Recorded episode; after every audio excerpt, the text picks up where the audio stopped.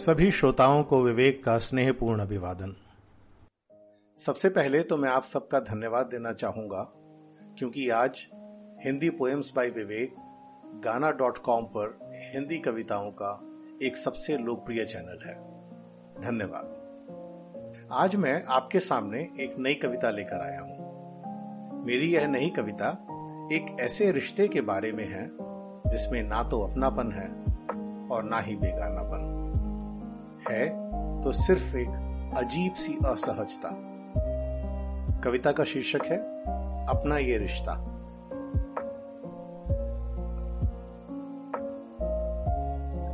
ना अपनों वाली आत्मीयता है, और ना अजनबियों वाली औपचारिकता। असहज हो जाती हो मेरी मौजूदगी में, आखिर कैसा है अपना ये रिश्ता? आखिर कैसा है अपना ये रिश्ता? ना कभी अनुराग से मनुहार किया और ना ही कभी नम्रता से परिपूर्ण निवेदन। चंद लफ्जों में कर लेती हो ज़रूरत की बात। आखिर कहाँ सीखी ये व्यवहार कुशलता? आखिर कैसा है अपना ये रिश्ता? ना दिखी कभी स्नेहमयी सहज संवेदना और ना ही कभी शिष्टाचार की कृत्रिम कृतज्ञता। फिर भी रोज होती हैं अपनी बातें दो चार। आखिर क्या है इस संवाद की विवशता?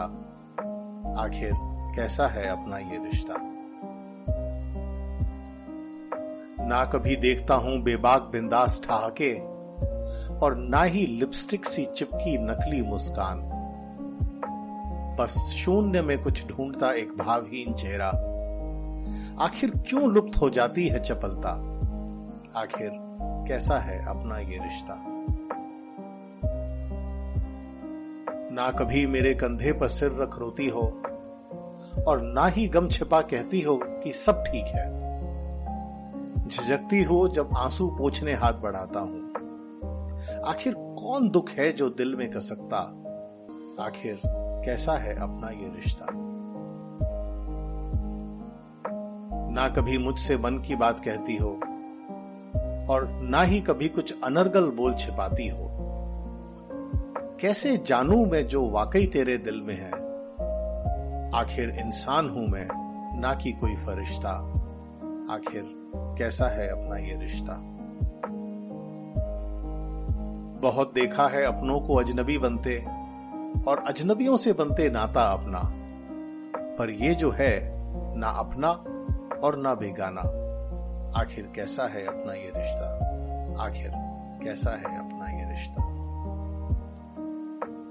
यदि आपको यह कविता अच्छी लगी और आप मेरी अन्य कविताओं को सुनना चाहते हैं तो आप मेरे पॉडकास्ट को अपने मनपसंद ऐप पर सब्सक्राइब कर सकते हैं। नीचे दिए लिंक से आप मुझे वॉइस मैसेज भी भेज सकते हैं। If you like this poem then consider sharing and subscribing to my podcast on your favourite platform You can also send a voice message to me by clicking at the link given below.